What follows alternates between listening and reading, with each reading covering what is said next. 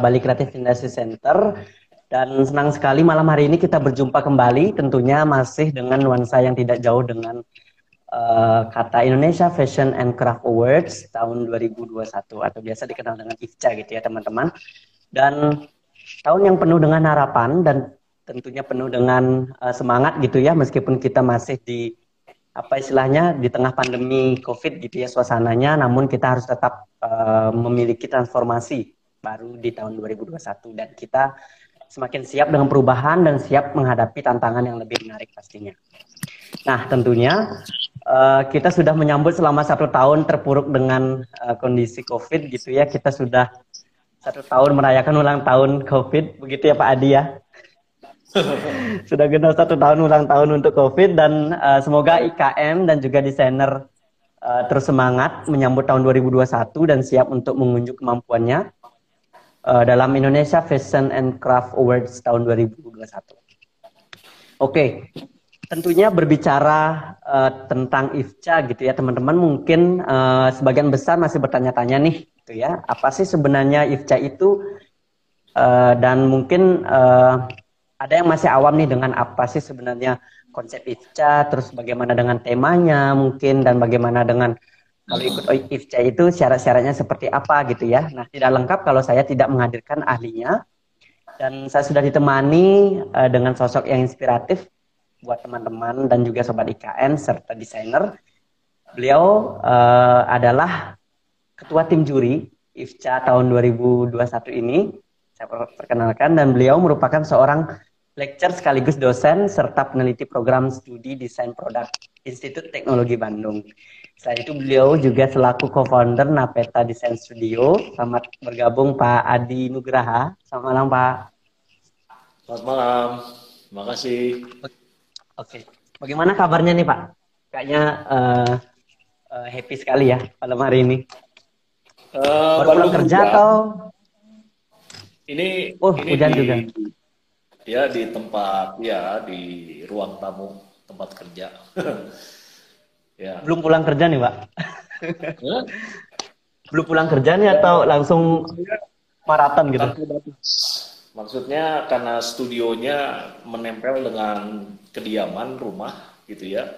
Jadi eh, nggak ada namanya pulang kantor gitu loh.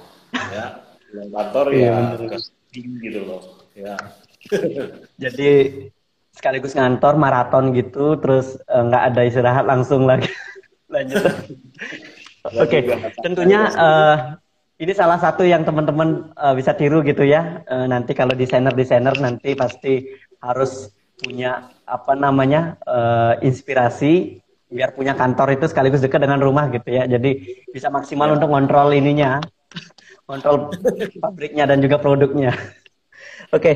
uh, mungkin kita hari ini ngobrol santai gitu ya Pak Adi dan juga teman-teman uh, eh, IKM dan juga desainer. Nanti kalau misalkan ada pertanyaan terkait dengan uh, Indonesia Fashion and Craft Award tahun 2021, teman-teman boleh bertanya. Nanti tinggal ajukan di kolom komentar langsung saja. Dan saya nanti akan memandu teman-teman untuk uh, pertanyaan teman-teman kepada speaker kita pada malam hari ini dan uh, nanti speaker akan langsung menjawab pertanyaannya. Oke. Okay. Mungkin sejauh itu uh, perkenalan dulu kali ya Pak Adi. Kira-kira uh, Pak Adi mungkin lebih mendalam perkenalannya terkait dengan uh, siapakah Pak Adi dan juga nanti uh, saya akan lanjutkan ke sesi berikutnya. Silakan Pak Adi. Oke, selamat malam semua. Maksudnya saya harus memperkenalkan diri nih. Oh, ya, ya, boleh Pak. Ya, uh, ya. oke. Okay. Nama saya Adi Nugraha. Ya, eh, tadi sudah diperkenalkan eh, saya sehari harinya ya dosen dan peneliti di ITB itu di program studi desain produk ITB. Eh, saya juga sebenarnya selain mengajar, eh, ya profesi saya lainnya sebagai praktisi desainer gitu ya. Eh, saya punya studio dan workshop di Bandung, tapi lokasinya agak tinggi gitu ya di Lembang, daerah Lembang. Uh, di situ kalau saya tidak mengajar ya waktu saya saya habiskan gitu ya dengan mendesain, memproduksi sesuatu ya dan uh, melaksanakan pekerjaan-pekerjaan rutin ya sebagai sebagai desainer gitu. Uh, apalagi ya, saya uh, lulus tahun 90 dari dulu namanya Studio Desain Produk ya dari Fakultas Seni Rupa dan Desain ITB lalu tahun 90-an pas baru lulus gitu uh, saya magang dulu di Jerman di perusahaan konsultan desain selama hampir uh, kalau dihitung totalnya lima tahun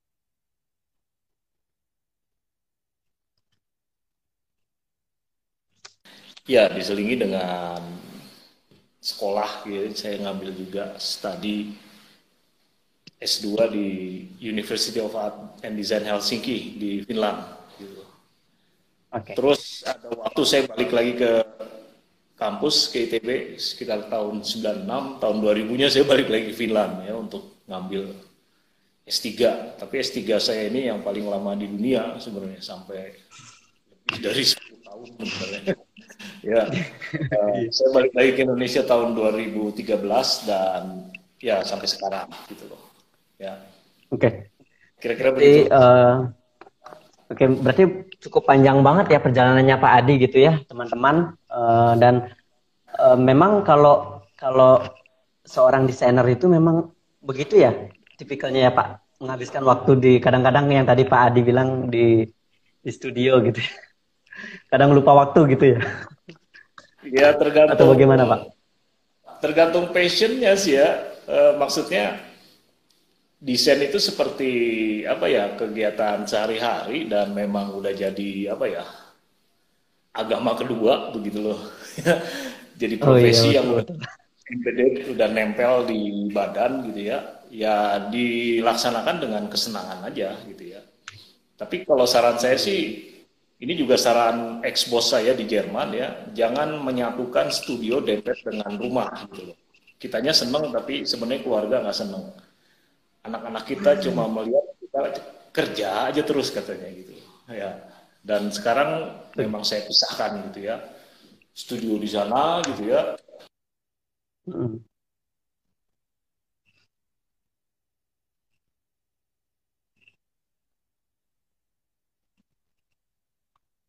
Oke. Okay. Uh, mungkin sinyalnya lagi ini ya, teman-teman. Oke. Okay. Tentunya. Hmm, tadi ada loading kayaknya sinyalnya, Pak Adi. Oke, okay. Ya. yeah. mungkin langsung saja kali ya. Mungkin teman-teman ada yang uh, masih bingung nih mungkin. Kalau saya lihat Pak Adi kan uh, semenjak munculnya uh, atau launchingnya program IFCA tahun 2021 ini kan berawal dari tahun 2015 nih Pak. Kalau saya lihat Pak Adi kan dari awal-awal tahun nih kayaknya uh, berkecimpung dan berkutat di IFCA. Sebenarnya boleh diceritakan mungkin sekilas apa sih sebenarnya IFCA itu dan mungkin uh, boleh dijelaskan juga latar belakangnya apa sih IFCA itu sih Pak? Biar teman-teman IKM kita dan desainer pada apa namanya lebih tahu gitu mengenal lebih dekat. Ya, ya saya uh, sebenarnya dilibatkan di IFCA yang pertama ya. Waktu itu uh, benar-benar kegiatannya sih di Bali. Saya ingat gitu ya. Sekitar tahun berapa 2015-an gitu ya. Uh, 2000 ya. 2015 ya. Mm -hmm. IFCA pertama, IFCA kedua uh, pernah dilibatkan jadi juri dan juga menyusun konsepnya begitu. Uh, nah sebenarnya ide dari IFCA itu sendiri ya yang sampai sekarang akhirnya terbentuk begitu ya sesuai dengan namanya ya Indonesia Fashion and Craft Award.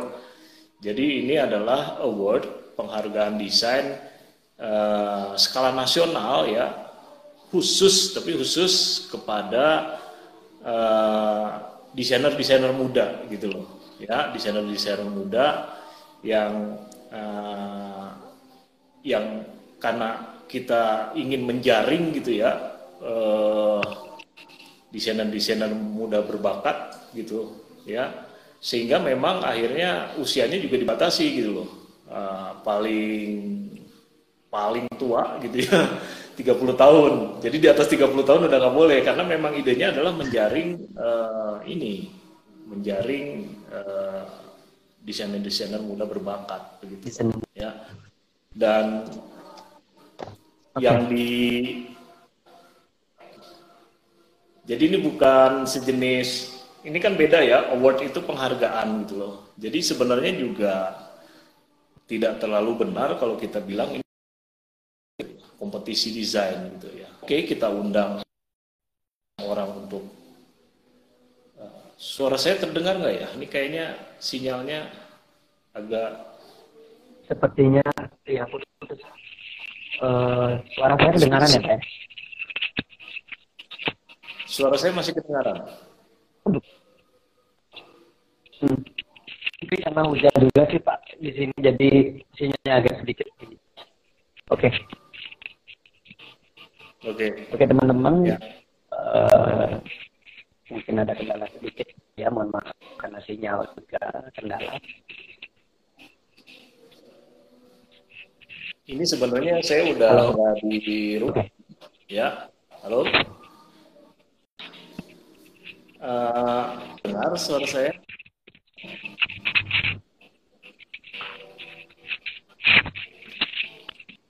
Oke. Sudah normal, Pak. Masih terdengar, Nah, halo. Pak Adi. Mas Bayan. Ya, halo. Bentar ya. Suara aman ya, teman-teman? Kalau suara saya kedengaran ya, teman. Ya, mohon maaf. Uh, adanya kendala juga kebetulan lagi ada hujan gitu ya teman dan um, halo. Halo Pak Adi. Ya. Kedaman ya Pak? Suara saya terdengar bagus nggak? Coba ada yang suara jelas yang paling agak gimana iya betul. Oke. Okay. uh, eh, Tadi kan Pak Adi sempat bilang gitu ya, uh, kalau IFCA itu cenderung uh, dan dikhususkan gitu ya untuk desainer muda dan uh, umurnya juga dibatasi. Selain itu juga uh, apa sih sebenarnya uh, yang melatar belakangi kenapa mudanya itu jadi batasan umur di 30 gitu Pak. Kadang-kadang kan kalau tahun lalu tuh uh, banyak yang umur 35 atau di atas 30 itu bertanya gitu, kenapa tidak dilonggarkan gitu Kenapa mesti di angka 30 gitu, Pak? Biar teman-teman juga nggak bingung nih kira-kira.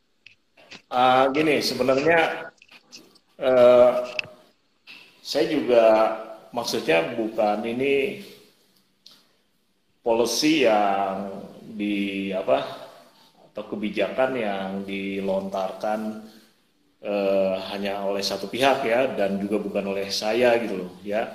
Uh, jadi yang saya tahu ya dan kita sepakat sebenarnya di rapat-rapat penyusunan IFCA gitu ya. Uh, IFCA ini kan diadakan oleh Dijen IKMA ya, Industri Kecil Menengah dan Aneka di Kementerian Perindustrian.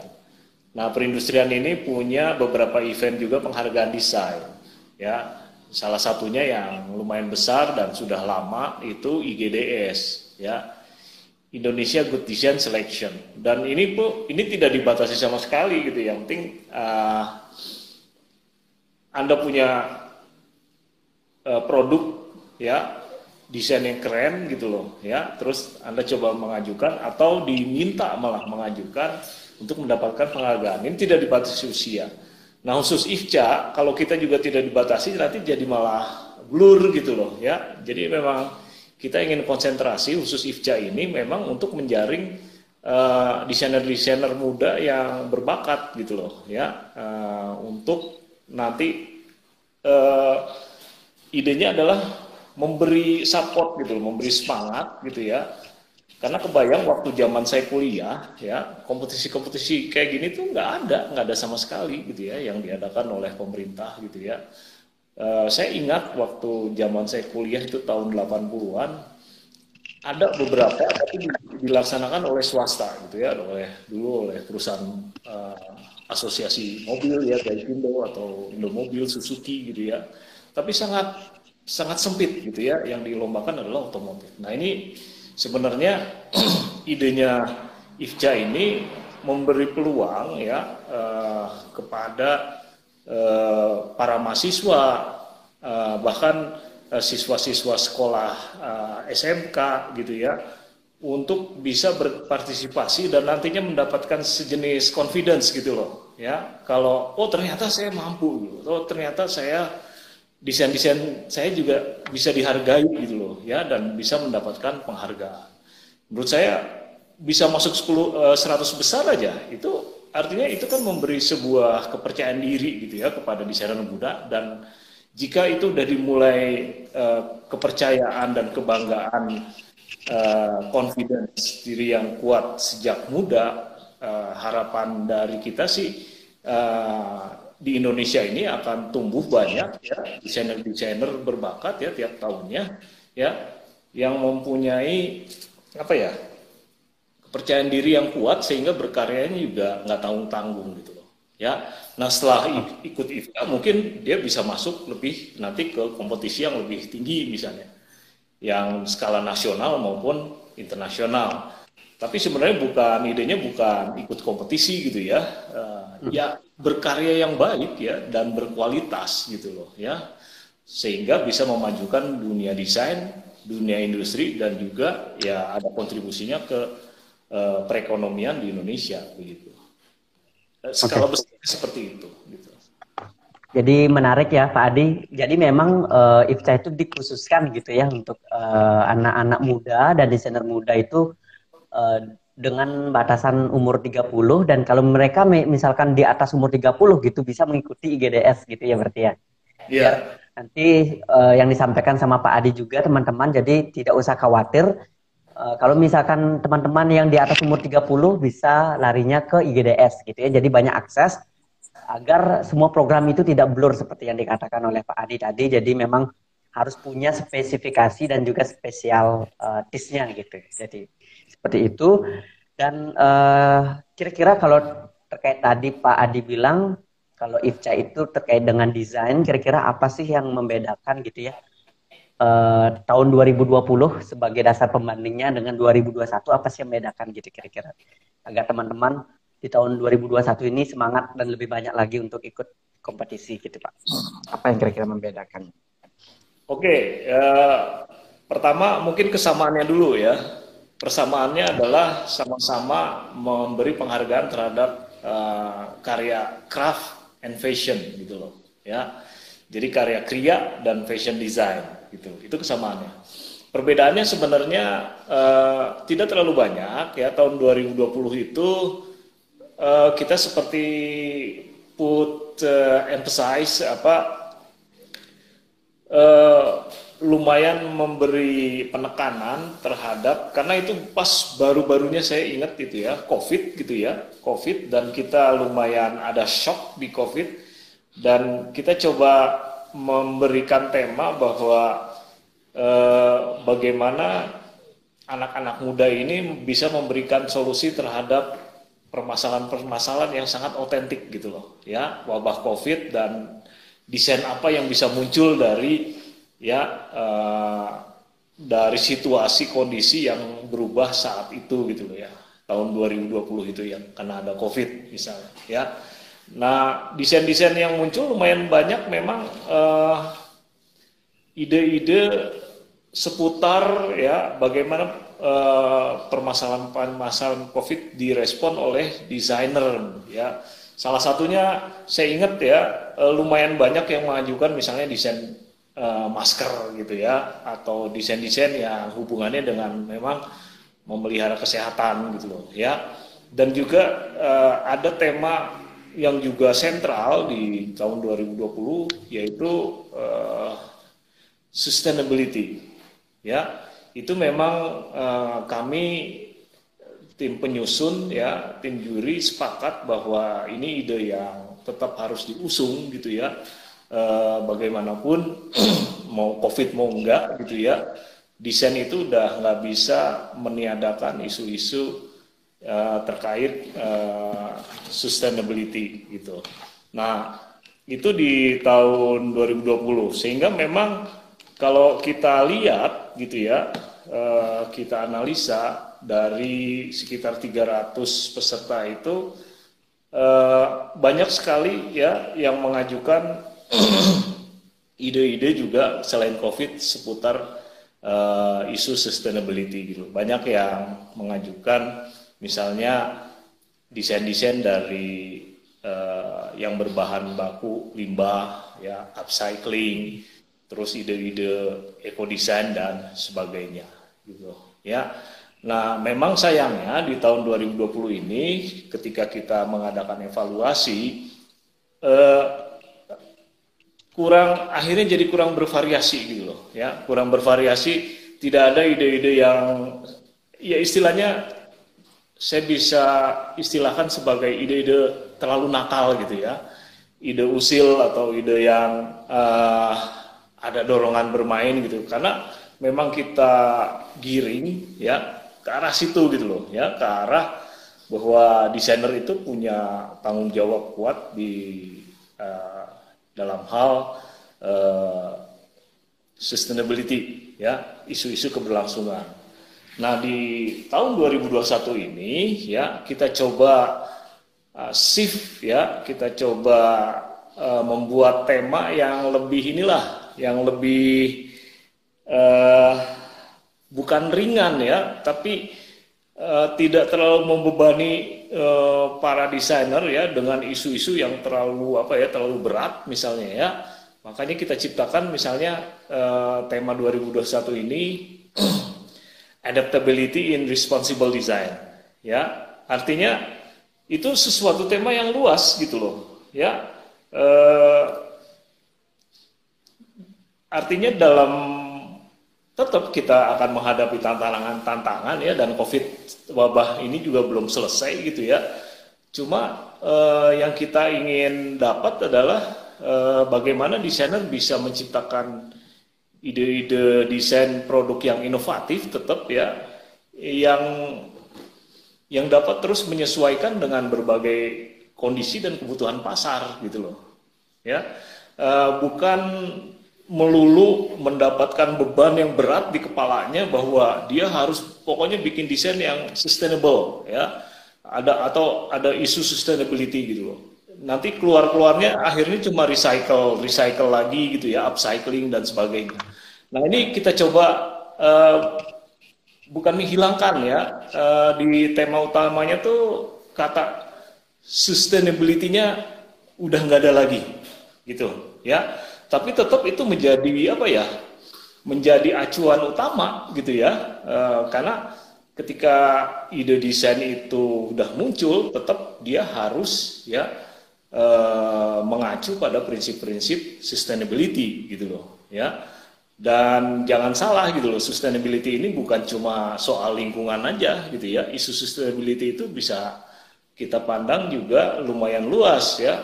Ada sustainable economy ya ada sustainable uh, culture gitu loh ya ada sosial juga gitu loh. Jadi itu juga termasuk uh, aspek-aspek uh, yang di apa ya dinaungi oleh konsep sustainability gitu nah kita harapkan uh, dengan tema yang baru ini ya adaptability artinya bagaimana desainer bisa bebas menyesuaikan diri dan bebas juga membuat hal-hal baru ya beradaptasi dengan uh, situasi baru mengusulkan desain-desain yang bisa bisa nakal bisa uh, keren bisa seksi gitu ya. Uh, tapi tidak lepas dengan konsep-konsep uh, yang bertanggung jawab gitu loh ya. Makanya ini ada responsible designnya tetap ikut gitu loh ya. Kira-kira seperti itu ya. Jadi kita lebih tantang kalau memang kan orang itu punya ketertarikan beda-beda ya. Ada yang tertariknya hmm. soal sosial gitu ya. Ada yang tertariknya malah preservasi budaya. Ya ini juga udah dapat poin yang baik gitu loh. Ya, walaupun uh, dia nggak boleh mengesampingkan juga hal-hal ekonomi gitu ya. Jadi sekarang lebih bagus bisa, memilih setiap peserta itu ya. Dia bisa apa uh, konsentrasi menggarap sesuatu yang untuk sustainable uh, culture misalnya ya keberlangsungan sebuah budaya. Oke okay, boleh ya itu dapat poin juga yang tinggi gitu loh. Kira-kira seperti itu ya. Uh, berarti mungkin, kalau ya silakan. Berarti kalau boleh saya bilang gitu ya Pak Adi berarti memang di tahun 2021 itu memang uh, tidak terlalu spesifik gitu ya dengan 2020 yang menekankan sustainability begitu ya. Dan tahun 2020 itu mungkin eh, teman-teman uh, bisa eksplor bebas gitu ya uh, terkait dengan uh, apa namanya kreasi produk yang diciptakan, namun tetap juga bertanggung jawab terhadap dampak yang akan ditimbulkan gitu serta uh, mereka boleh eksplor di bidang ekonomi, mungkin di bidang budaya, mungkin di bidang sosial dan juga produknya juga bisa menyelesaikan masalah di lingkungan sekitar begitu ya Pak? Iya, ya artinya okay. uh, eh, ini kan sesuai pernah kita bicarakan sebelumnya ya soal kriteria ya kriteria desainnya hmm. itu uh, tetap ya kita akan nilai uh, desain yang diajukan itu selain baik gitu, tapi uh, dia memang harus berupa apa ya problem solving gitu loh ya desainnya itu hmm. harus istilahnya kontekstual gitu loh artinya kontekstual itu uh, desain yang diusulkan tuh bukan seperti ah pokoknya saya senang bentuk kayak gini pokoknya saya pengen saya bikin gitu loh ya warnanya pokoknya saya senang merah gitu loh ya misalnya hmm. ya uh, tapi yang kita harapkan adalah setiap usulan yang di apa diajukan ya uh, setiap uh, bentuk yang dihasilkan gitu loh ya apa pun ya itu memang harus kontekstual. Artinya ada alasannya begitu ya bukan sekedar pokoknya gue mau gini gitu loh. Ya enggak gitu loh ya. Uh, peserta tuh harus bisa memang menjelaskan gitu ya uh, bahwa saya bikin gini tuh alasannya ya seperti ini gitu loh. Jadi desain itu memang ada konsepnya gitu ya, ada konsepnya dan dia menjawab sebuah permasalahan tertentu. Entah itu permasalahan estetik, permasalahan apa teknis, misalnya produksi, termasuk juga permasalahan-permasalahan yang lebih luas ya, permasalahan isu keberlangsungan misalnya isu sustainability baik itu di bidang ekonomi, budaya, sosial dan ya, dan lainnya lingkungan. Ya uh, uh, jadi semuanya harus ada ada ada apa ya ada alasannya gitu loh ya. Dan yang kedua gitu uh, tentu saja kita ingin desain ini memiliki kebaruan gitu ya. Uh, ini salah satu juga kebaruan ini menjadi apa ya penilaian yang tertinggi sebenarnya. Kalau kita lihat ya uh, di hampir di kompetisi-kompetisi desain itu memang atau penghargaan desain uh, nilai kebaruan itu mendapatkan uh, biasanya lumayan skor yang tinggi. Kalau di IFCA ini uh, kebaruan itu memang yang paling tinggi ya dapat dinilai 40% ya bobotnya ya kebaruan dari desainnya gitu Nah setelah itu baru ada bobot lain ya 30% dia punya dampak ekonomi gitu loh. Artinya desain yang diusulkan dia punya potensi untuk uh, dikomersialisasi gitu loh. Walaupun perlu beberapa tahap lagi gitu loh. Tapi udah kelihatan ya biasanya tim juri yang terdiri dari profesional dan dari berbagai bidang udah bisa lihat ini punya potensi pasar nih gitu. Jadi uh, 30% itu juga uh, masuk ya ke dalam uh, pembobotan uh, memiliki potensi aspek ekonomi gitu ya. Nah, dalam 30% ini bisa dipisah-pisah, dipilah-pilah ya gitu ya.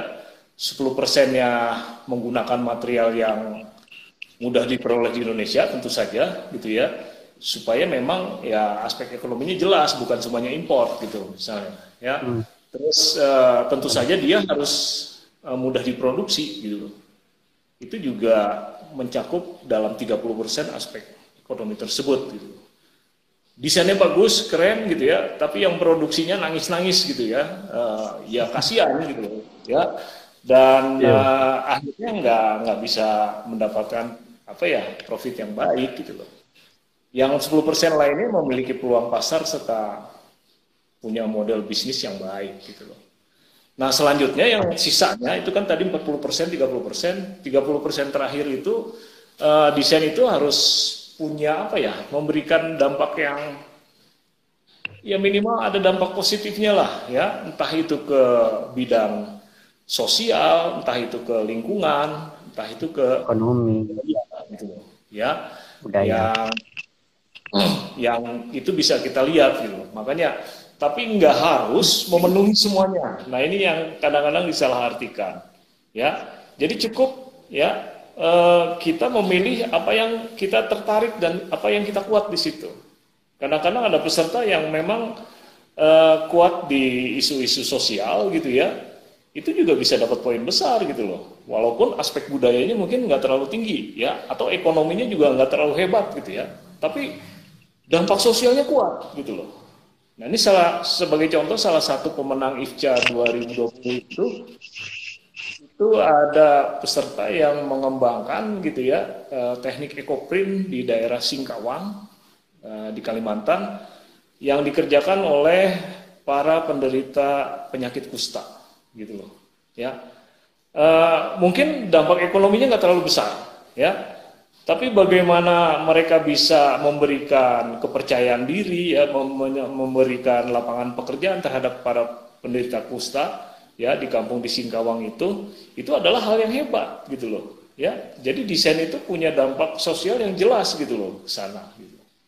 Nah, eh, soal lingkungannya ya tentu saja ada gitu ya. Misalnya dari dampak lingkungannya juga itu kan namanya ecoprint ya, dia di print dengan cara uh, warna alami gitu ya Pak dengan memanfaatkan daun-daun bekas dan bahan alam gitu. Itu kira-kira sih sebenarnya uh, IFCA yang sekarang itu lebih apa ya kita harapkan memang bisa lebih lebih spesifik gitu ya, lebih spesifik dan lebih jelas guide-nya bahwa uh, yang mengusulkan mendapat penghargaan itu ya para peserta itu bisa memilih sebenarnya ya dia kuat di mana dan itu yang dia, dia jagokan gitu kira-kira seperti itu jadi jadi memang menarik ya teman-teman. Jadi teman-teman juga nggak mesti harus merangkum segalanya gitu ya nanti uh, ketika teman-teman ikut uh, IFCA. Seperti yang dikatakan oleh Pak Adi benar banget. Jadi benar-benar harus fokus misalkan mau berkecimpung di bidang sosial, misalkan tadi menyelesaikan masalah uh, kayak tadi contohnya adalah penyakit uh, berkolaborasi dengan orang-orang penyak, kena penyakit kusta di daerah Singkawang gitu ya untuk menghasilkan sebuah karya yang menarik gitu. Nah, itu uh, tentu memiliki poin yang tinggi gitu dan pastinya produk yang teman-teman hasilkan pasti harus sesuai dengan uh, permintaan pasar gitu ya. Jadi bukan hanya idealis dengan desainnya tapi juga permintaan pasar juga harus diperhatikan dan kontekstual seperti yang kembali dikatakan oleh Pak Adi. Jadi jangan sampai teman-teman salah uh, persepsi gitu ya. Jadi harus konteksnya itu siapa gitu ya. Oke, Mungkin ada juga pertanyaan nih Pak Adi, kira-kira ide yang diajukan itu apa boleh nih uh, bentuk rancangan saja seperti itu? Belum dalam wujud jadinya, lalu penekanan penilaiannya mengacu pada produk yang laku di pasaran atau produk yang sustainable saja.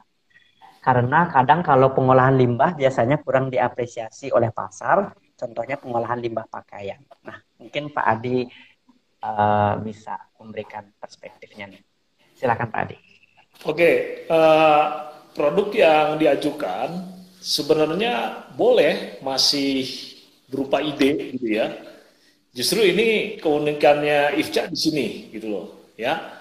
Boleh sebuah rancangan yang sebenarnya sebelumnya belum pernah dibuat ya. Sebuah imajinasi, sebuah inovasi ya, rancangan desain tapi tetap ya harus mempunyai apa ya presentasi yang bagus. Artinya uh, ya kita sebagai tim juri harus benar-benar bisa melihat bahwa produk ini memang punya peluang begitu ya. Artinya presenta uh, kualitas presentasi itu gambarnya baik gitu ya. Ada dari segala sisi dan kita bisa mengerti konsepnya juga dijelaskan secara baik gitu loh ya. Jadi nggak harus produk itu setelah sudah jadi gitu loh ya ini keuntungannya dan makanya kita mengundang juga siswa-siswa SNK, mahasiswa karena memang uh, yang diperlukan adalah uh, sebuah apa ya ide-ide uh, ide-ide brilian, ide-ide keren gitu ya dari mereka tanpa harus mereka harus membuat dulu gitu loh ya. Nanti kalau memang terpilih menjadi 10, 100 besar itu baru akan masuk ya yang namanya kita buatkan coaching gitu ya. Uh, coaching ini adalah uh, pembekalan yang lebih dalam ya dari segala aspek gitu ya, dari aspek desain ya, dari aspek bisnisnya, bahkan dari aspek produksinya gitu ya. Sehingga nanti para pengusul yang masuk 100 besar ya, setelah mendapatkan coaching kita harapkan bisa menyempurnakan ide yang tadinya masih misalnya mentah ya. atau idenya yang baru baru apa ya ide-ide awal lah ya tapi punya potensi gitu loh. Nah dari coaching ini diharapkan uh, ide itu jadi makin matang dan nanti akan di ini lagi ya di kita minta submit lagi perbaikan-perbaikan setelah uh, para peserta melalui uh, coaching tersebut gitu loh. Nah, tadi pertanyaan yang selanjutnya yang poin itu soal sustainability ya. E, memang itu memang yang seperti yang saya sudah jelaskan tadi gitu ya. E, itu ada poinnya dalam penilaian. Walaupun penilaian tertingginya adalah dari kebaruan e, atau dari ide-ide inovasi desain yang e, kalian usulkan gitu ya. Tapi e, tetap ya isu sustainability ini menjadi bagian dari yang apa yang diusulkan. Walaupun bukan jadi fokus utamanya begitu loh. Ya misalnya gini uh, uh, ada peserta yang mengusulkan uh, apa ya sepeda misalnya ya. Sepeda bukan hmm. sepeda bambu sekarang udah banyak ya. Sepeda dari rotan misalnya ya. Dari bahan rotan gitu loh ya Nah, uh, sepedanya itu keren, bisa dipakai dan benar-benar bisa idenya adalah ya dia harus bisa berfungsi baik gitu loh, ya. Tapi kan ide utamanya emang ingin bikin sepeda yang bisa fun, bisa main sepeda gitu ya, orang senang gitu ya. Cuma ide sustainable ini tetap ikut gitu loh. Artinya apa? Rotan itu ya bahan uh, bahan alam Indonesia yang banyak terdapat di Indonesia gitu ya. Dia uh, relatif ya uh, lebih ramah lingkungan misalnya ya menggunakan bahan rotan ketimbang menggunakan misalnya uh, kayu misalnya kayu solid gitu loh ya. Nah ini juga udah udah sebuah pertimbangan sustainability gitu loh ya. Dengan membuat sepeda rotan ini misalnya dia bisa menghidupkan banyak UKM yang UKM UKM yang selama covid ini misalnya ya banyak terdampak secara ekonomi gitu loh ya. Jika sepedanya laris laku gitu loh ya itu uh, idenya adalah dibuat di UKM-UKM yang dilatih gitu ya, itu bisa menghidupkan secara ekonomi masyarakat uh, eh, UKM uh, eh, pembuat rotan misalnya. Ya, nah itu dampaknya udah udah jelas gitu. Walaupun ide pertamanya adalah membuat sepeda yang benar-benar buat fun gitu, ya. Tapi ketika sepeda itu laku, dia bisa menghidupi secara ekonomi gitu ya, dan secara isu lingkungan juga dia mau nggak mau uh, akan menggandeng itu begitu loh, ya. Jadi eh, sebenarnya saran saya begini, jangan terlalu terbebani dengan isu sustainability-nya, gitu ya. Ketika desain Anda jadi, ya itu harusnya udah otomatis ya, Anda berpikir ya, ini aspek sustainability ini gimana nih, gitu loh. Ya, jadi mulai masuk supaya ide-idenya bukan lagi nanti keluarnya recycle material ya, eh, bikin produk-produk yang terbuat dari limbah dan sebagainya ya mengolah limbah dan sebagainya. Itu jadi garing ya. E, hmm. boleh ya gitu ya. E, tapi menurut saya jadi kurang kaya gitu loh ya. Bikin yang sesuatu yang bebas setelah itu baru diuji dari faktor-faktor uh, sustainability gitu loh ya. Uh, nanti baru oh, proses desainnya akan disempurnakan dia me, apa akan uh, otomatis ya secara eh, prinsip-prinsip keberlangsungan juga akan masuk gitu loh. walaupun walaupun silahkan saja gitu ya ide awalnya memang untuk ya dari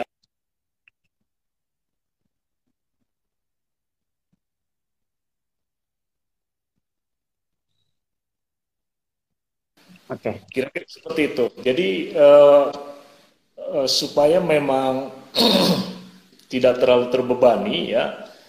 Uh, masa COVID ini juga tidak melarang orang untuk tetap apa ya enjoy life gitu loh ya. Oh, tidak melarang orang untuk juga mendapatkan sesuatu yang yang beda gitu ya ya dari sebelum covid gitu ya. Tetap hidup harus berjalan gitu ya. Cuma ya kita kita coba ya. Uh, hidup yang baru ini seperti apa gitu loh ya. Bukan cuma ada depresi aja gitu ya depresi depresi ketakutan karena covid gitu. Hidup harus tetap berjalan. Nah eh, peluang-peluang apa yang bisa kita ciptakan gitu loh supaya eh, secara apa ya secara sosial secara budaya ya secara lingkungan itu juga juga baik gitu ya tidak tidak terjadi konflik dan Kira-kira tadi. Ya. Oke, jadi mungkin uh, apa namanya? Jadi untuk Vicky gitu ya, jadi tidak usah uh, terlalu fokus dengan uh, dan juga terlalu terbebani dengan sustainability seperti itu. Nanti tinggal hmm. konteksnya itu seperti apa gitu ya. Uh, dampaknya ke sosial, ke ekonomi, selain itu juga ke budaya itu uh, tidak menimbulkan hal yang negatif itu juga termasuk uh, suatu hal yang sustainability gitu ya. Jadi produknya memang sesuai dengan permintaan pasar. Selain itu juga tanpa menimbulkan suatu masalah setelah produk tersebut uh, jadi sebuah bisnis seperti itu. Oke. Okay. Uh, mungkin untuk pertanyaan terkait dengan IGDS mungkin bukan di sini ya uh, untuk Satriana. Jadi nanti uh, ketika ada acara nanti di IGDS bisa ditanyakan. Kita fokus untuk IFCA tahun 2021 saja. Jadi mengenai lomba IFCA 2021 ini ada pertanyaan lagi satu, Pak Adi. Jadi uh, mengapa lomba IFCA 2021 sekarang diselenggarakan dengan peserta boleh berbentuk tim ya? Nah mungkin seperti itu dan mungkin berbeda dengan tahun sebelumnya yang uh, hanya satu orang seperti itu. Mungkin dari Pak Adi. Ya, ini Silakan, sebenarnya kita membuat peraturan baru boleh tim itu dari hasil uh, evaluasi ya, evaluasi dan pemikiran yang lebih jauh bahwa alangkah baiknya gitu ya. Ini kan kita ingin menjaring eh, anak-anak uh, muda berbakat gitu ya. Karya desain itu sebenarnya akan menjadi lebih apa ya? lebih sempurna, jauh-jauh lebih sempurna kalau dikerjakan oleh tim ya seperti teamwork gitu loh. Ya. Dan lebih hebat lagi kalau tim ini bukan semuanya desainer gitu loh. Ya lebih hebat lagi. Coba bayangkan ya ada mahasiswa gitu ya dari berbagai jurusan. Satu jurusan desain ya. Dan satu dari mungkin dari bisnis manajemen ya dari SPM satunya lagi dari teknik gitu ya. Berkolaborasi mengusulkan sebuah produk ya itu akan beda hasilnya dengan hanya satu orang desainer misalnya ya. Walaupun itu juga kita buka satu orang desainer ya kalau emang uh, ingin mengajukan sendiri silahkan gitu loh. Tapi menurut kami gitu ya akan lebih hebat dan akan lebih powerful kalau desain itu memang hasil istilahnya hasil keroyokan gitu loh ya. Hasil kerjasama kolaborasi antar disiplin yang akhirnya dia jadi sempurna, jadi utuh gitu loh ya. Dari hal teknis bisa dipertanggungjawabkan, dari sisi pasar, dari manajemen ya, bahkan dari sisi produksi gitu loh misalnya ya. Eh, dan terus ya ujung-ujungnya memang desain gitu ya. ya. Karena sebenarnya dalam realita, dalam dunia profesi, desain itu nggak bisa berdiri sendiri gitu loh ya. Desain itu adalah hasil ya perkawinan ya dari berbagai pertimbangan ya aspek-aspek teknik, teknologi, aspek-aspek sosial, budaya dan sebagainya gitu. Jadi eh, kami sangat berharap memang muncul juga di tahun 2021 ini ya usulan-usulan desain yang memang yang diusulkan dengan dengan pengusul itu ya sebuah teamwork gitu loh ya sebuah kelompok ya yang menggagas desain dari berbagai aspek gitu ya. Yang yang hasilnya tentu saja seharusnya bisa lebih baik gitu loh ya. Nah ide dari mengusulkan bisa tim yang maksimum lima orang ini juga sebenarnya ingin uh, kita sedikit-sedikit ingin membentuk sebuah budaya apa ya budaya networking budaya kolaborasi antar antar apa ya antar orang-orang kreatif gitu loh ya. Yang kami pikir uh, ini adalah sebuah uh, sebenarnya harapan-harapan yang sangat positif gitu loh ya. Supaya uh, dari sejak muda desainer-desainer ini memang punya kesadaran bahwa sekarang adalah zamannya zaman memang zaman networking kolaborasi, kolaborasi gitu ya. Bukan uh, uh, single hero yang menjadi desainer hero sendiri gitu ya. Walaupun boleh-boleh aja gitu ya. Tapi uh, kita lebih mengencourage orang untuk mem membentuk dan saling berkolaborasi gitu. Karena uh, banyak riset ya membuktikan bahwa uh, kolaborasi ini justru uh, sangat penting gitu ya untuk kesuksesan bisnis di masa depan gitu loh Nah, ini kita mulai dari sejak muda begitu loh. Ya. Oke. Okay. Berarti Jadi, memang kolab Oke, okay, mungkin uh, sudah menjawab kali ya uh, dengan PB itu. Jadi uh, sorry dengan Dela gitu ya. Uh, jadi memang uh, seperti yang dikatakan oleh Pak Adi, tim itu memang uh, apa namanya bisa saling melengkapi seperti itu ya Pak Adi. Jadi antara tim satu dengan tim yang lain saling melengkapi mungkin kekurangannya jadi akan bisa menghasilkan sebuah karya yang sangat menarik pastinya gitu ya. Jadi teman-teman tenang saja mau berangkat dari individu ataupun tim itu akan nanti akan kelihatan hasilnya gitu ya. Oke, mungkin sudah menjawab. Uh, ada pertanyaan selanjutnya, Pak Adi. Jadi apakah tahun ini kriteria desain produknya tetap mengacu produk-produk upcycle atau recycle? Mungkin tadi sudah dijelaskan, mungkin boleh dipaparkan kembali Pak Adi. Ya, seperti tadi udah mungkin udah sedikit saya singgung gitu ya. Uh, saya bisa dengan tegas pe, apa, menjawab tidak harus gitu loh, ya. Upcycling, recycle, ya, uh, pemanfaatan daur ulang, ya, atau limbah itu hanya salah satu aja, ya hanya salah satu bagian misalnya dari eh, prinsip-prinsip uh, prinsip-prinsip apa ya green design ya sustainable lingkungan ya. Tapi nggak harus gitu loh. Anda misalnya mengolah benar-benar material yang utuh bukan utuh ya maksudnya material yang bukan dari bahan bekas fine nggak masalah gitu ya. Beli bahannya di toko material yang tersedia mudah gitu ya terus bikin sesuatu produk ya yang keren ketika produk itu jadi laku dan itu bisa diproduksi oleh banyak orang banyak UKM ya itu udah memenuhi syarat itu secara ekonomi baik secara desain baik gitu ya. Dan ide sustainability-nya di mana? Bukan di lingkungannya. Nggak masalah ya. Tapi sustainability-nya di sustainable sosial misalnya ya. Uh, walaupun juga saya bilang lingkungan nggak perlu dipertimbangkan, tetap dia ya uh, dalam titik-titik tertentu dia tetap memang harus dilihat dia tidak apa ya bisa merugikan faktor-faktor lingkungan ya misalnya anda bikin sesuatu yang katakanlah bikin ide apa ya alat transportasi yang uh, bahan bakarnya justru bikin polusi udara begitu ya walaupun secara ekonomi baik gitu. Nah, dia akan minus di di poin-poin uh, lingkungannya gitu loh. Atau bikin sesuatu yang limbahnya bisa mencemari misalnya mencemari lingkungan ya, limbahnya bisa merusak apa? mencemari sungai dan sebagainya.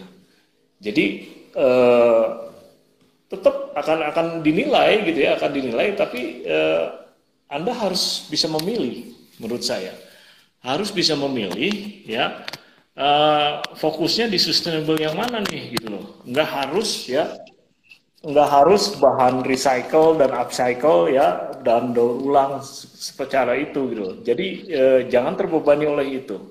Ya, saya akan respect sekali ada yang bikin sesuatu misalnya entah itu dari kayu ya, entah itu dari rotan, dari bambu, itu kan bukan bahan daur ulang gitu loh, ya. Tapi itu pun mengolah itu dengan menjadi produk yang bagus itu ya udah hebat gitu loh.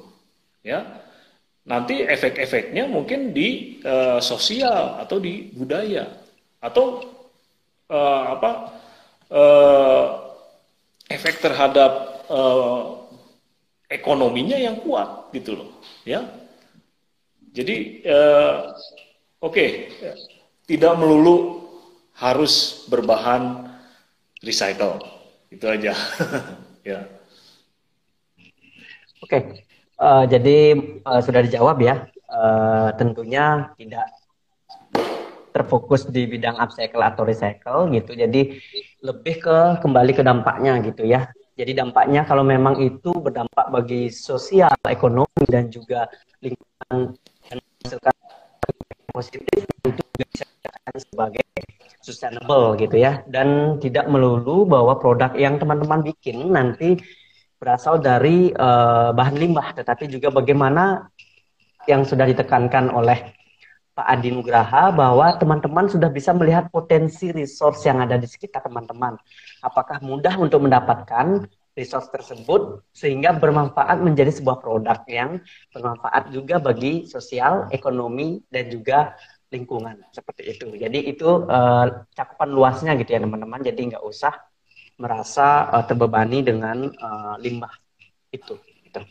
Oke, pertanyaan berikutnya datang dari uh, pertanyaannya adalah apakah sudah masuk 100 besar uh, dan telah menyelesaikan pro proses coaching ide yang disubmit, apakah boleh berbeda uh, dengan produk ide sebelumnya? Jadi pertanyaannya ini uh, kalau setelah mengikuti coaching, kira-kira produk yang akan dikembangkan itu boleh berbeda dengan konsep ide sebelumnya atau harus sama nih dengan uh, ide sebelumnya Pak Adi?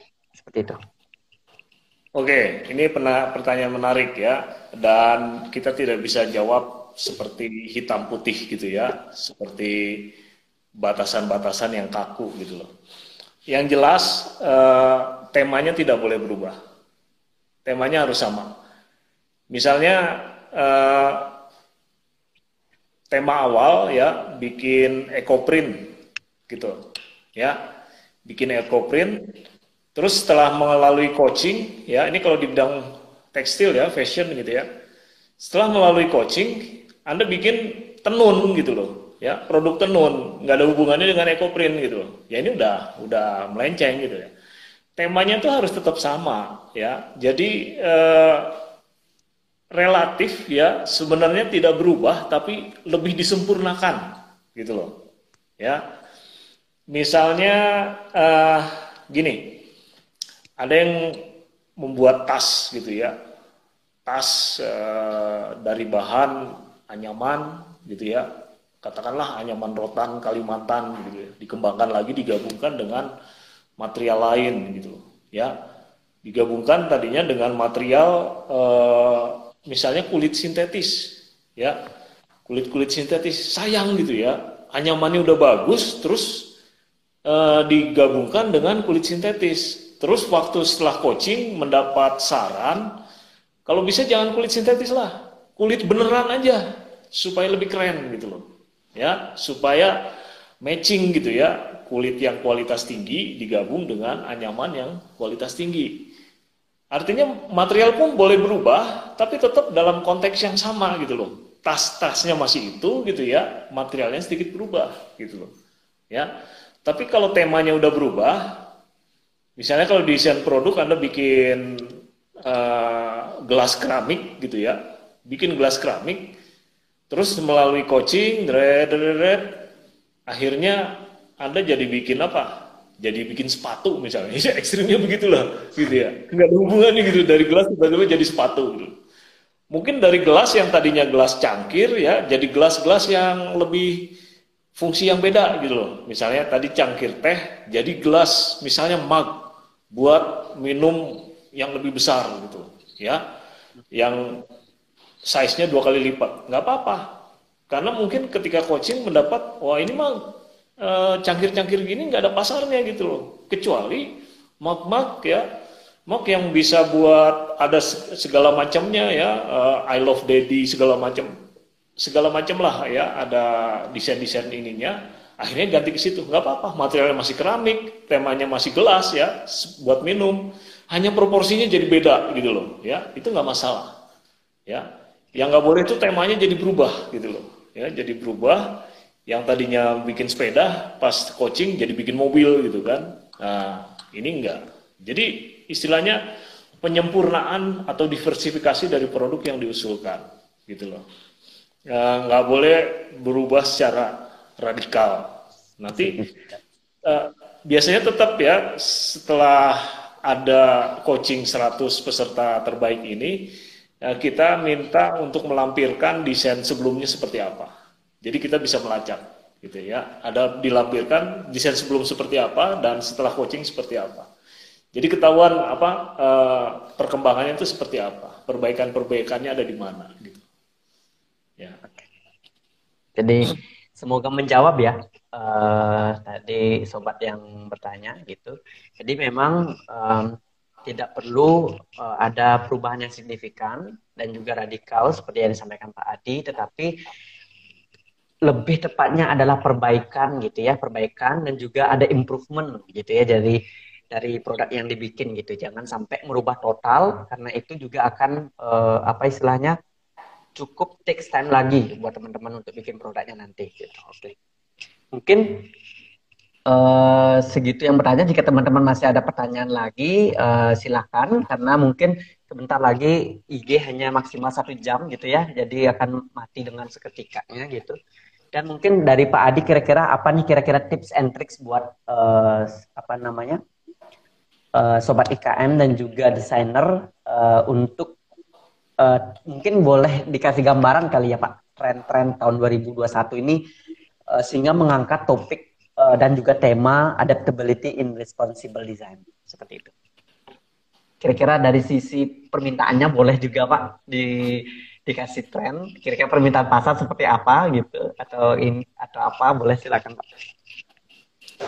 Oke gini, uh, yang jelas tadi udah saya singgung ya, jangan terlalu terbebani oleh isu-isu ingin apa ya yang terlalu berat isu-isu ingin memelihara lingkungan gitu ya itu memang harusnya memang udah secara secara otomatis ya sebagai desainer Anda berpikir seperti itu gitu loh ya artinya terbebani itu akhirnya kalau ter kalau terbebani Anda hanya ingin membuat produk-produk yang benar-benar ramah lingkungan hanya ingin membuat produk dari bahan recycle gitu ya e, semua recycle itu benar gitu loh.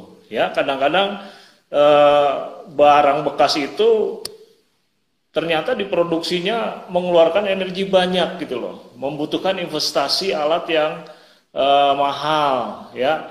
Terus jualnya jadi terlalu mahal, akhirnya nggak ada yang beli misalnya, ya. Apalagi eh, ternyata diproduksinya itu energi dan karbon printnya tinggi gitu loh, ya.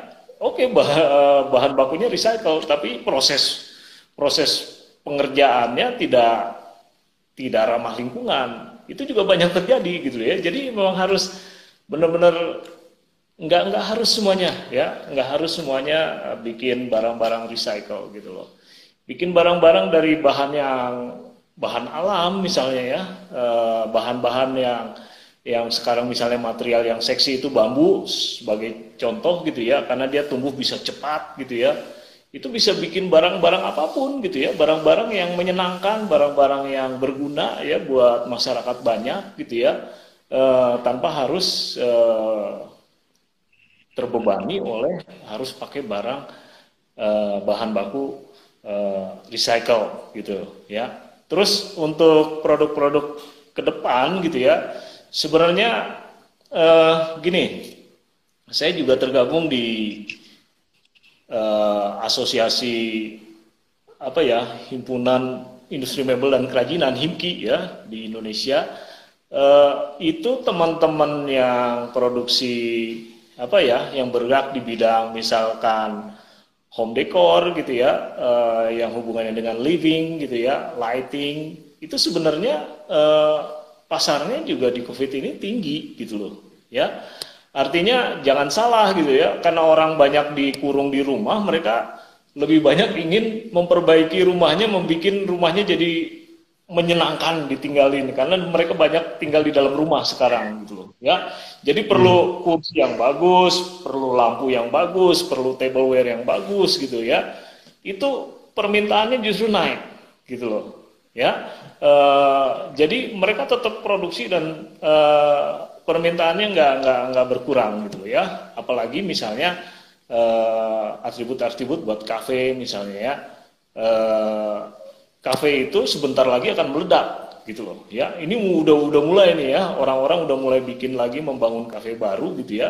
Karena uh, diramalkan ketika vaksin ini mulai banyak orang uh, dapat vaksin gitu ya dan pergerakan mulai makin bebas maka orang akan menyerbu lagi ke kafe misalnya. Apa kebutuhan di kafe? Ada tableware ya ada lampu ya ada segala macam ya furniture dan lain-lain Terus uh, dalam hal olahraga ya di peralatan olahraga itu juga banyak berkembang gitu loh ya.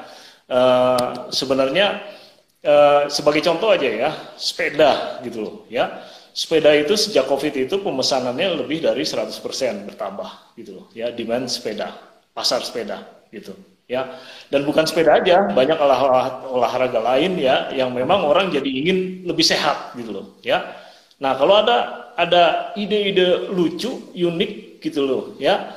Sedikit iseng, nakal dan sebagainya di dunia olahraga, ini juga bisa punya peluang bagus gitu loh, ya. Hmm. Bikin skateboard gitu loh, atau bikin apalah alat-alat buat buat fun gitu ya. Ini juga uh, bukannya mati gitu ya, karena orang justru ingin lebih sehat, banyak orang lebih ingin lebih sehat. Nah ini uh, dia akan maksudnya kebutuhan untuk ini juga semakin berkembang. Terus uh, alat-alat yang do it yourself gitu ya, uh, objek-objek do it yourself uh, karena orang banyak tinggal di rumah, ya segala macam ide yang ter terkait do it yourself itu bisa uh, punya peluang gitu loh. Ya, okay. yang penting adalah idenya fresh, baru ya, dan nggak harus benar-benar yang tadinya belum ada, gitu loh. Karena inovasi kebaruan itu nggak mungkin sekarang, zaman sekarang muncul dari tanah, dari scratch ya, ada ide benar-benar baru. Anda cukup menggabungkan ide lama dengan ide lama jadi sebuah produk baru, misalnya, ya. Atau produknya tetap tapi materialnya switching, gitu loh, ya. Yang tadinya terbuat dari plastik, ada ada ganti, misalnya dari material alam ya produknya tetap sama. Ya itu switching itu ya boleh juga gitu. Itu juga inovasi. Jadi jangan terlalu rumit-rumit ya jangan juga idealis tinggi gitu ya punya idealisme tinggi. Yang tadinya belum ada saya ingin ciptakan. Hampir nggak mungkin gitu ya. Dan nggak disarankan gitu ya. Karena inovasi yang benar itu bagaimana anda secara smart melihat ada peluang di sini ada peluang sini. Kalau ini digabungkan ini jadi sesuatu yang powerful gitu loh. Itu sih sebenarnya kuncinya Ya. Oke, okay. menarik Pak Adi. Uh, terima kasih terkait dengan uh, apa namanya tips and trick dan juga wawasannya buat teman-teman juga bisa jadi inspirasi ya apa yang disampaikan uh, potensi produk-produk uh, yang mungkin akan dibutuhkan gitu ya di tahun 2021 dan teman-teman bisa create produk dari apa yang disampaikan oleh Pak Adi. Pak, mungkin di sini ada dua pertanyaan kali ya saya gabung jadi satu. Uh, terakhir saja ini sebelum kita closing gitu ya teman-teman. Jadi yang pertama kategori fashion penilaiannya berfokus pada konsep produknya atau secara bisnis ya Pak. Dan yang pertanyaan kedua adalah uh, pengusul ide itu harus memiliki perusahaan sendiri atau dari sekolah atau universitas yang sama. Uh, mungkin bisa dijawab Pak Adi. Uh, yang saya ingat aja dulu nih pertanyaan terakhir nih ya, pengusung ide ya. itu uh, sebenarnya mengatasnamakan pribadi aja. Ya, kecuali memang disuruh oleh sekolahnya gitu atau universitas gitu loh ya. Uh, sebenarnya kita juga nggak berharap bukan nggak berharap ya uh, yang muncul tuh sekolahnya gitu loh. Nggak harus ya. Anda sebagai kita pandang adalah anda sebagai desainer muda gitu loh ya. Anda bisa me letakkan identitas Anda, memberi informasi identitas Anda, Anda sekolah di sini, Anda kuliah di sini, alright gitu ya. Tapi bukan misalnya pengusungnya universitas mana begitu, ya nggak usah, ya nggak usah. Jadi nama aja, nama Anda sebagai pribadi, sebagai personal gitu ya. Kalau yang kelompok, ya buat nama kelompok misalnya, ya kelompok abal-abal misalnya, ya atau kelompok gelas, kelompok topi, ya, ya. Jadi eh, kasih nama kelompok, kasih nama anggotanya, ya nanti Anda bisa menjelaskan kami dari mana gitu Boleh aja. Tapi yang kita minta adalah memang eh, personal yang mengusulkan gitu ya atau grup kelompok. Yang pertanyaan pertama tadi apa? Sorry. Pertanyaan pertama itu uh, untuk kategori fashion penilaiannya berfokus pada konsep produknya atau secara bisnis seperti itu. Ah, Jadi fokus nilai. Penilaian ya. Ini bobot nilai. Ini saya kasih tahu bobot nilai ya 40% itu dari kebaruan ya. Jadi dari desainnya dari kebaruannya yang diusulkan gitu. Artinya benar-benar kita lihat ya ini ide nih ide keren original ya, bukan original artinya from scratch gitu ya. Uh, idenya keren aja ya, ada kebaruan gitu loh ya. Uh, dia memiliki kebaruan pemecahan masalah di hal-hal tertentu misalnya. Atau ada kebaruan di uh, secara estetik gitu loh. Atau dari justru dari teknik produksinya gitu loh. Itu bisa kita nilai macam-macam ya. Atau kebaruan dalam hal dia bisa mengatasi masalah-masalah sustainability entah itu lingkungan ya uh, budaya sosial dan sebagainya. Tapi yang bobot paling besar dari kebaruan gitu 40 persen. 30 persen dia punya nilai komersial. Potensi nilai komersial itu 30 persen. 30 persennya lagi punya dampak ya uh, punya dampak uh, sustainability entah itu di aspek sosial ya budaya lingkungan ya. Nah itu yang 30 persennya. Jadi kalau tadi ditanya yang dinilai apanya ya baik fashion maupun craft itu yang kita nilai gitu loh ya. Bukan hanya bukan nih uh, dari apa ya? Hmm, maksudnya poin-poin itulah ya yang akan jadi acuan tim juri dalam menilai uh, karya anda gitu ya. Uh, dari kebaruannya terus dari uh, potensi ekonominya ya bahwa produk itu suatu saat ya emang harus laku dijual gitu loh ya bisa bisa dipasarkan. Yang ketiga ya dampak-dampak sosial ekonomi maupun eh, lingkungan dan budayanya gitu loh ya itu juga punya poin gitu loh ya. Jadi eh, ya mungkin coba disesuaikan ke sana gitu ya. Eh, kalau anda membuat desain fashion coba bikin memang ya yang punya nilai kebaruan. Karena itu nilainya paling besar. Kebaruannya di mana nih? Dari desainnya dari motifnya dari teknik tenunnya ya dari menggabungkan semuanya ya. Itu yang yang yang kita nilai gitu loh ya. Terus dia punya potensi ekonomi gitu loh ya. Punya potensi untuk dikomersialkan ya desainnya udah keren gitu tapi kita lihat wah ini ini ini susah banget diproduksi apalagi di Indonesia nggak mungkin nih diproduksi nih ya.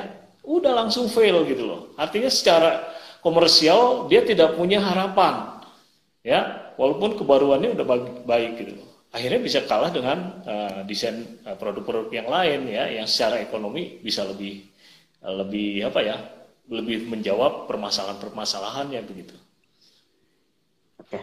Kira-kira begitu pak Semoga menjawab ya, uh, sobat IKN. Jadi memang sih yang disampaikan Pak Adi betul. Jadi tadi yang disampaikan itu uh, tidak hanya terfokus dari segi konsep produknya maupun dari segi bisnisnya, tetapi yang disampaikan Pak Adi uh, sesuai dengan meskipun teman-teman nanti berkutat di bidang craft atau kria ataupun fashion itu selalu mengacu ke bagaimana produk tersebut uh, memiliki kebaruan Selain itu juga nanti produknya apakah uh, apa namanya dari segi raw materialnya uh, uh, mudah didapatkan dan juga selain itu dapat diterima oleh pasar gitu ya. Jadi memiliki value dari produk tersebut. Jadi otomatis kedua pertanyaan tadi yang disampaikan baik dia berfokus maupun ke konsep produk maupun ke bisnis sudah mencakup di kriteria penilaian seperti itu.